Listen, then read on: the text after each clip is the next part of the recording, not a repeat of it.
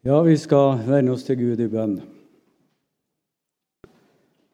O Jesus, gjør oss ganske små og fattige i ånden. Så trang til ordet vi kan få, i lengsel rekke hånden. Mot deg og din rettferdighet, til du til bords oss setter, og oss metter med fred og salighet, og all vår sorg utsletter. Ja, kjære Herre Jesus, nå vil vi be igjen om at du må ta hånd om oss, gi meg ord å gå med. Og du vet at min trang er om jeg kan få være med og peke på deg, Jesus, for noen som, som kanskje er i en spesiell nød. Ja, vi er i nød alle sammen. Hvis du er borte for oss, hvis du er ukjent, hvis du er fremmed, Kanskje er det ei sjel her i kveld, Jesus, som skal nås med et ord om deg. Må du gi meg nåde til å få være ditt vitne. Vi ber i ditt navn. Amen. Ja, vi skal ta fram i kveld ei kjent beretning. Det er Sakkeus i sjelesorg hos Jesus. Vi leser fra Lukas kapittel 19, vers 1-10 i Jesu navn. Og Jesus kom inn i Jeriko og var på vei gjennom byen. Og se, der var en mann som het Sakkeus. Han var overtoller og en rik mann. Han søkte å få se Jesus, hvem han var. Men han kunne ikke komme til for folkemengden, for han var liten av vekst. Han løp da i forveien og klatret opp i et morbærtre for å se ham, for hans vei gikk der forbi. Da Jesus kom til stedet, så han opp og sa til ham, Sakkeus, skynd deg og kom ned, for i dag må jeg bli i ditt hus. Han skyndte seg da og steg ned og tok imot ham med glede. Men da de så det, knurret de alle og sa, Han tar inn hos en syndig mann. Men Sakkeus sto fram og sa til Herren, Se, Herre, halvdelen av det jeg eier, gir jeg til de fattige. Og har jeg presset penger ut av noen, skal jeg gi det firedobbelt igjen. Jesus sa til ham, I dag er frelse blitt dette hus til del, siden også han er en Abrahams sønn. For menneskesønnen er kommet for å søke og frelse det som var fortapt. Amen.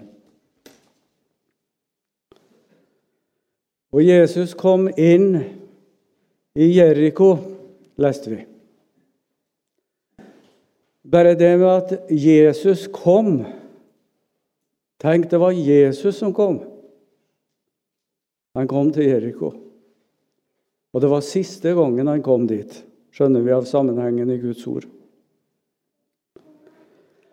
Og der hadde Jesus sett en mann som var i nød. Sakkeus. Å se, innledes det her i vers 2. Å se. Det er noe vi skal være oppmerksom på. Kanskje det er noe du òg kan få hjelp og trøst av. Og se, der var en mann som het Sakkeus. Jesus han kjente Sakkeus.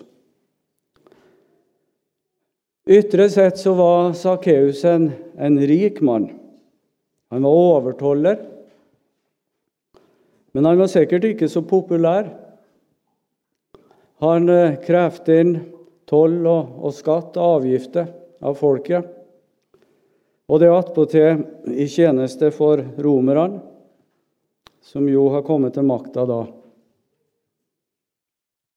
Men denne mannen han søkte altså å få se Jesus, ikke bare ytre sett, skjønner vi.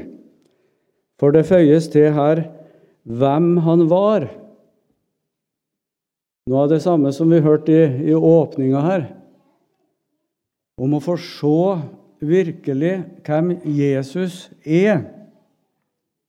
Det fikk Emmausvandrerne òg, når Jesus åpenbarte seg for dem.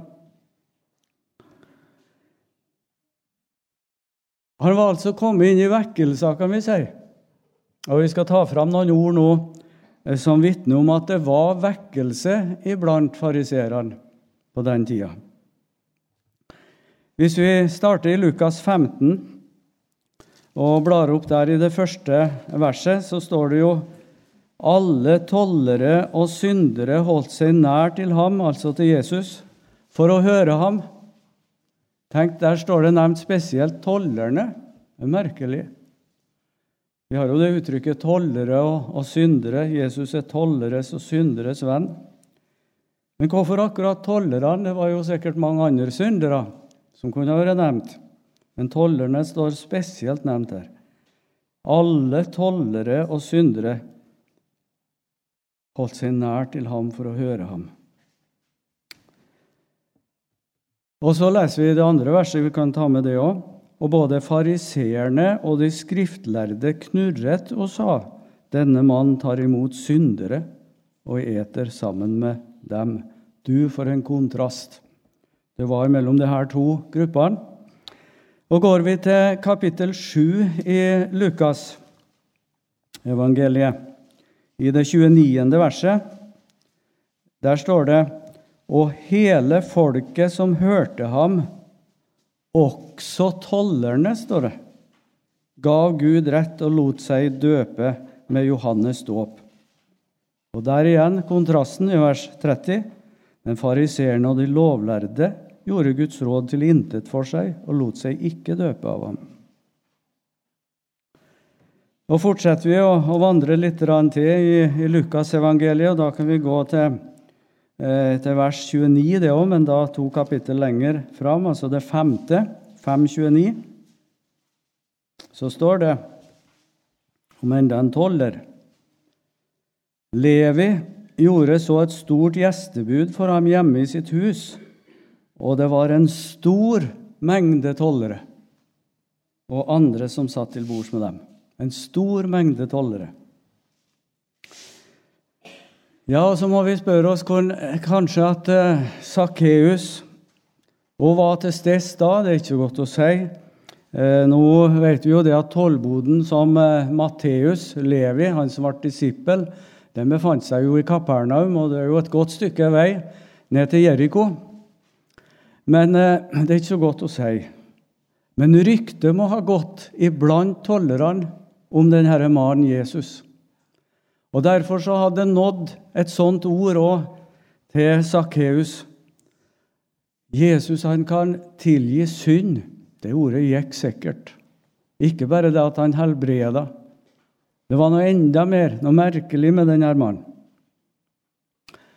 Kanskje hadde Sakkeus vært til stede over Jordan da døperen Johannes hadde sin virksomhet der. Der starta det en vekkelse langt ute i ørkenen. Og Det er underlig å, å tenke på, for når vi eh, Om en skulle planlegge noe kampanje, heter det jo så fint i dag Ja, Det er ikke nødvendigvis sånn at det blir noe vekkelse ut av det, det vet vi. Men da tenker vi det at eh, da må vi jo samles på en litt sånn sentral plass, eller sånn at vi kan nå folket. Og, og det er jo en, en bibelsk tanke, for så vidt. Paulus han eh, oppsøkte jo eh, folket i Aten, på Areopagos osv. Men, men vekkelse langt ut i en ørken, en tørr ørken ved Jordan. Og det står endog det at de kom helt ifra Jerusalem for å få med seg det som skjedde. Og Hvis vi blar opp i Matteusevangeliet, i kapittel 3, der det bl.a. står beskrevet Vi kan ta oss dit og lese vers 1-12. I de dager sto døperen Johannes fram og forkynte i Judeas ørken. Tenk deg det. Der starta det. Det er noe underlig med vekkelser, for den trekker på folket. den. Det er som en magnet. Når Guds levende ord er til stede og forkynnes. Da er det ordet som er magneten, det, det er ordet som er skal vi si, vekkelsesmiddelet. Vi trenger ikke noe annet enn det. Men du, hvor vi trenger det. Og så sa Johannes noe som vi kanskje ville ha vegra oss for å si hvis eh, vi tenkte at nei, her må det bli vekkelse. Hva han sa for noe? Vers 2. Omvend dere, for himlenes rike er kommet nær. Og det var sagt med myndighet ifra en tru Herren tjener. Det måtte ha sokket i folket. Omvend dere. De var kommet på avstand. De trong å møte Jesus som, som frelser. Nå skulle han snart stå fram og bli synlig for dem. Og Det skjedde jo en av de dagene der ved Jordan at Jesus kom, og så peker Johannes på Jesus, og så sier han det. Se, der Guds lam som bærer verdens synd. Omvend dere, for himlenes rike er kommet nær. Der er Jesus. Han kan bortta synd. Det var budskapet. Vi leser videre fra vers 3. Det er ham det er talt om av profeten Jesaja. Og Det var jo en kjent bokrull for mange av de, i alle fall de Ja, de hadde jo lært, eh, til og med de små barna, eh, helt sikkert, fra Jesaja. Det er en røst av en som roper i ørkenen, rydd Herrens vei, gjør han stier rette. Johannes var kledd i en kappe av kamelhår og hadde et lærbelte om livet, og hans mat var gresshopper og vill honning. Da drog Jerusalem og hele Judea og hele landet ved Jordan ut i lam. Og Jordandalen den, jo, den går jo langt oppover, helt til, til Genesaretsjøen. Et stort område. De dro ut fra hele landet ved Jordan ut til ham og ble døpt til ham i elven Jordan idet de bekjente sine synder. Det lå over dem et sånt hellig alvor, og mange av dem måtte bekjenne sin synd. Så står det i vers 7. Men da han fikk se mange fariseere og sadukere komme til hans dåp Det står ikke at de kom for å lette seg bli døpt.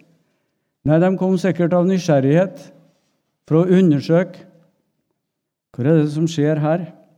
Og kanskje òg for å irettesette Johannes.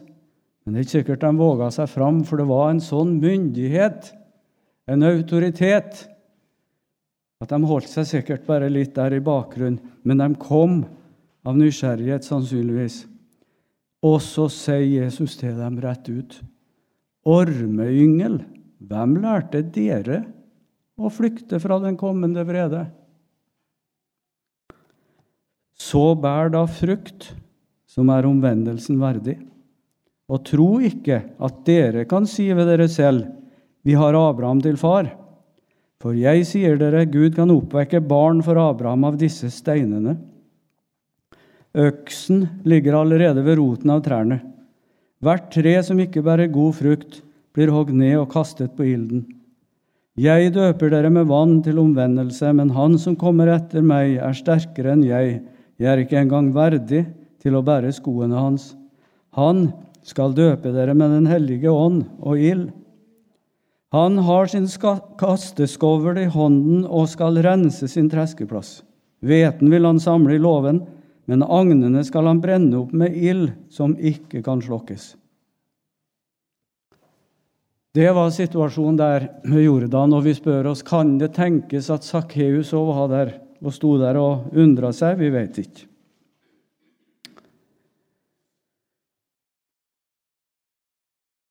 Men i alle fall Da han hørte at Jesus kom gjennom Jeriko, da fikk Sakkeus fart på seg. Men han kunne ikke komme til, står det, for folkemengden.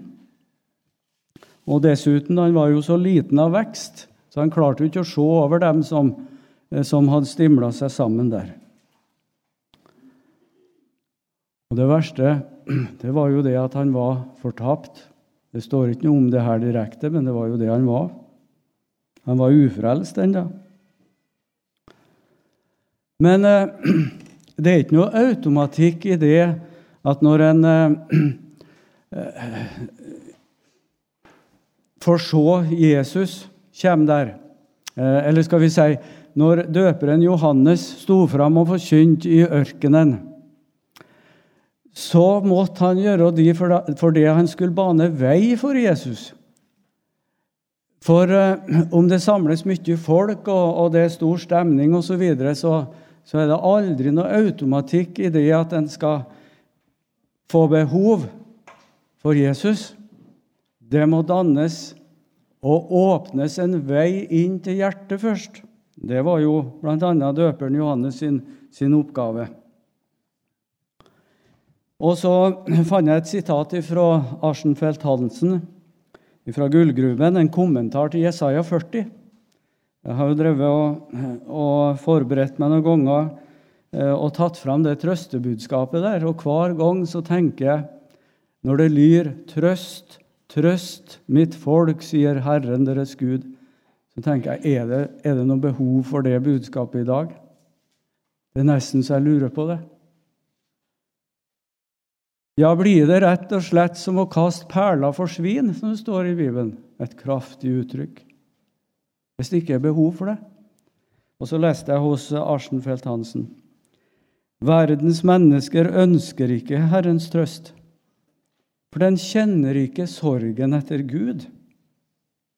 Verden ønsker i det høyeste bare å bli beroliget overfor den uro samvittigheten, eh, som samvittigheten til sine tider kan vekke.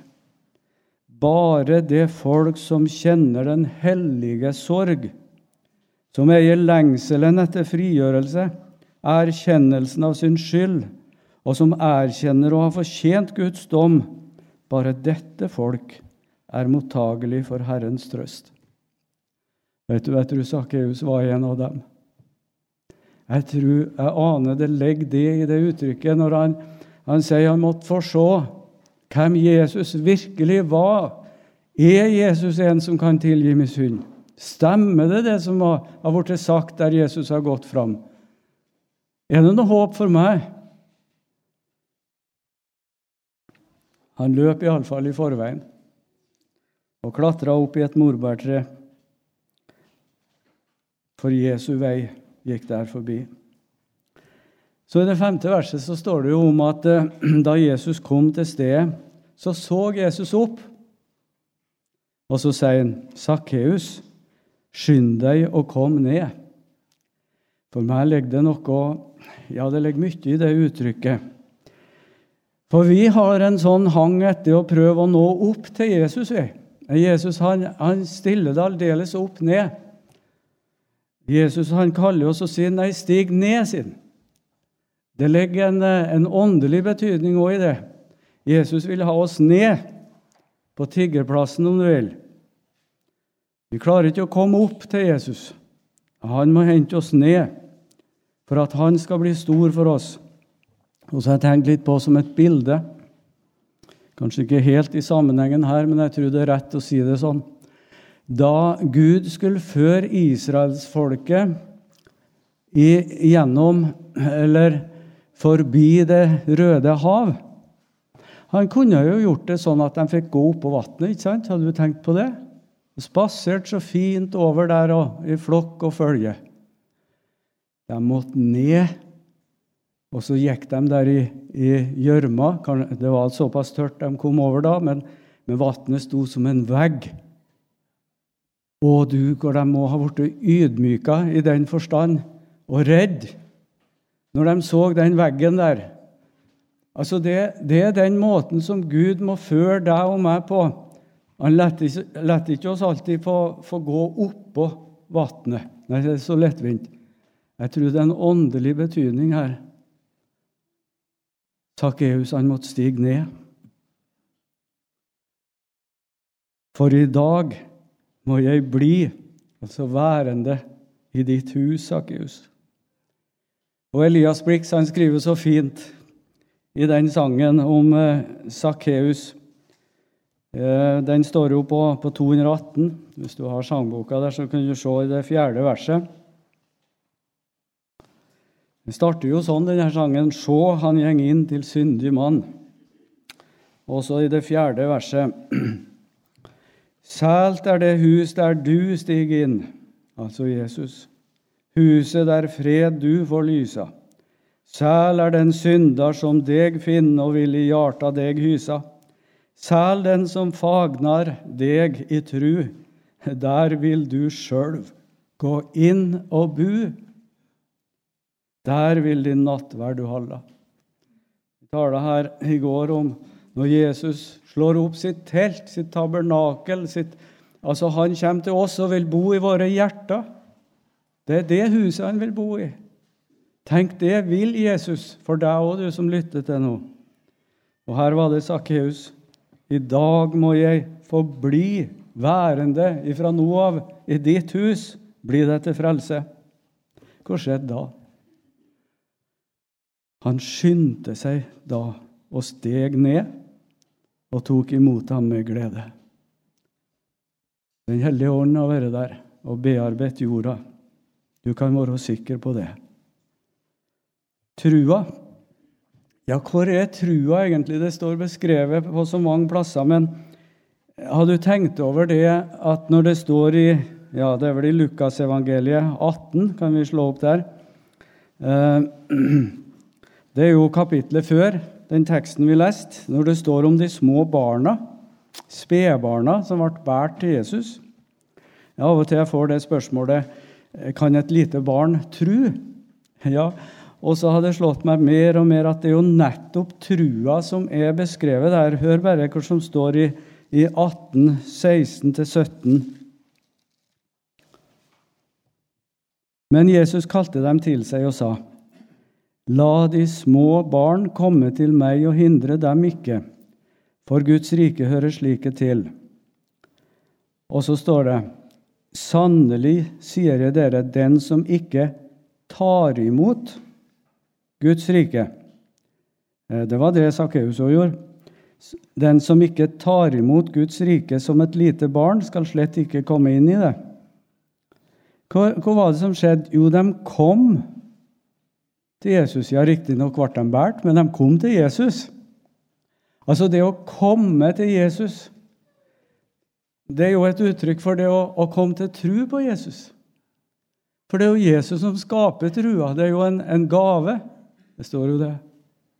Å, du forunderlige Gud, må jeg si. Tenk, et lite hjelpeløst barn. Det er et bilde på deg og meg. Så hjelpeløse er vi. Vi kan ikke av egen makt komme til Jesus. Men, men det at en blir dratt til Jesus Sakkeus han fikk oppmerksomheten retta på Jesus i det han, han kalla på han. Skynd deg å stige ned. Han kunne ikke annet. Skyndte seg ned, steg ned, tok imot ham. Han kom til Jesus. Fikk ta imot Jesus. Hva skjedde da? Jo, da knurra dem alle, står det.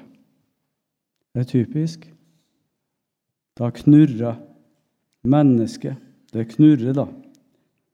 Jesus tar inn hos en syndig mann.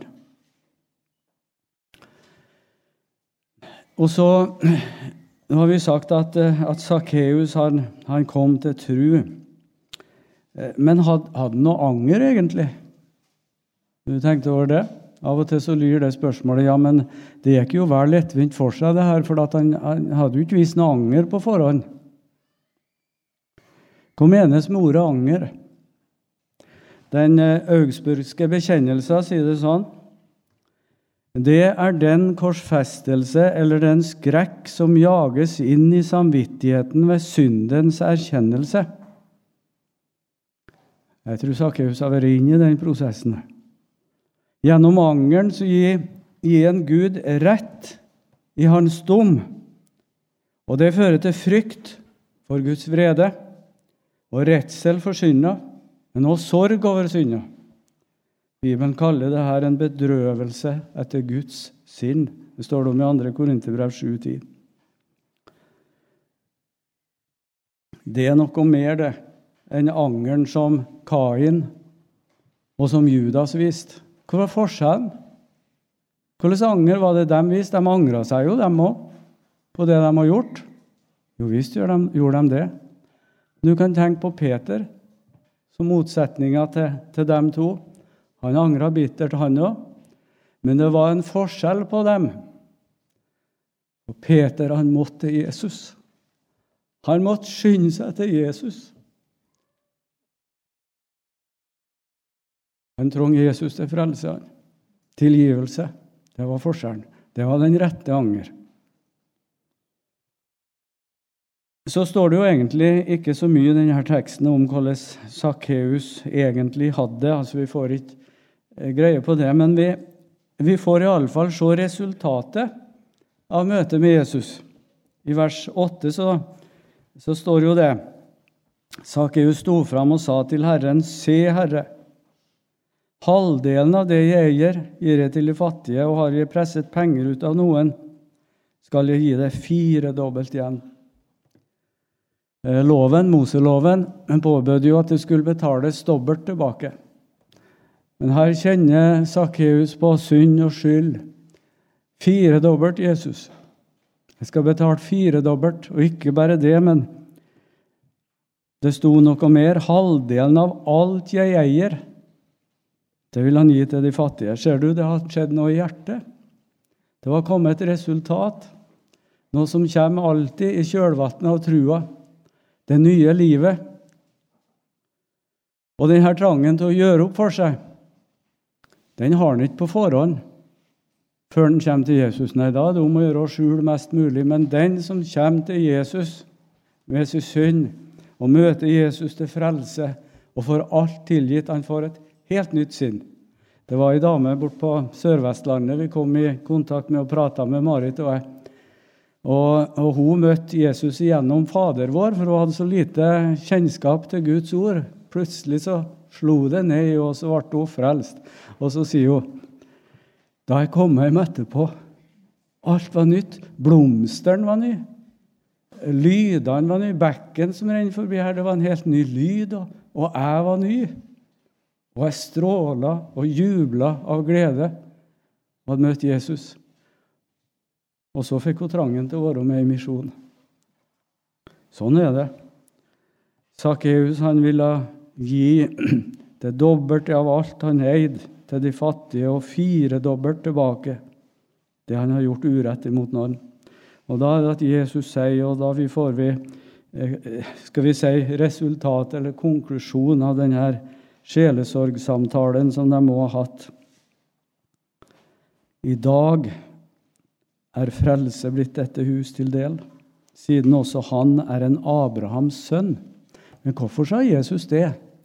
Abrahams sønn? Jo, for det første så tror jeg det at han, han sa det Eh, fordi at eh, da fariserene og de skriftlærde kom eh, til, til, Jordan og sto der og observerte, så sa de jo det, leste vi, ikke sant? Du husker det fra Matteus 3? At de var Abrahams barn. Ja, det sa de. Ja, og så sier Jesus ja, her har vi en, en sann Abrahams arving, et barn av Abraham. Og så tror jeg også det, for dette var jo den siste vandringa opp til Jerusalem for Jesus før han skulle li og dø. Og Da er det jo mye som har skjedd forut her, bl.a. det som står i, i Johannesevangeliet. Ganske så sikkert så henspeiler Jesus her på det som står i Johannes 8, 31 og utover. For han ville om mulig nå inn med enda et stikk i hjertet på de her eh, religiøse lederne, om mulig at noen av dem òg kunne komme til sannhetserkjennelse. Jeg tror det var det som lå bak. Så kan du slå opp der i Johannes evangeliet. Vi kan ta oss tid til å, å lese fra 31 til 39. 8. Jesus sa da til de jøder som var kommet til tro på ham:" Dersom dere blir i mitt ord, blir værende i mitt ord, da er dere i sannhet mine disipler. Og dere skal kjenne, altså få oppleve og erfare, sannheten, og sannheten skal frigjøre dere. De svarte ham, Vi er Abrahams ett. Her òg sa de det. Og aldri vært treller under noen. Hvordan kan du da si, dere skal bli fri?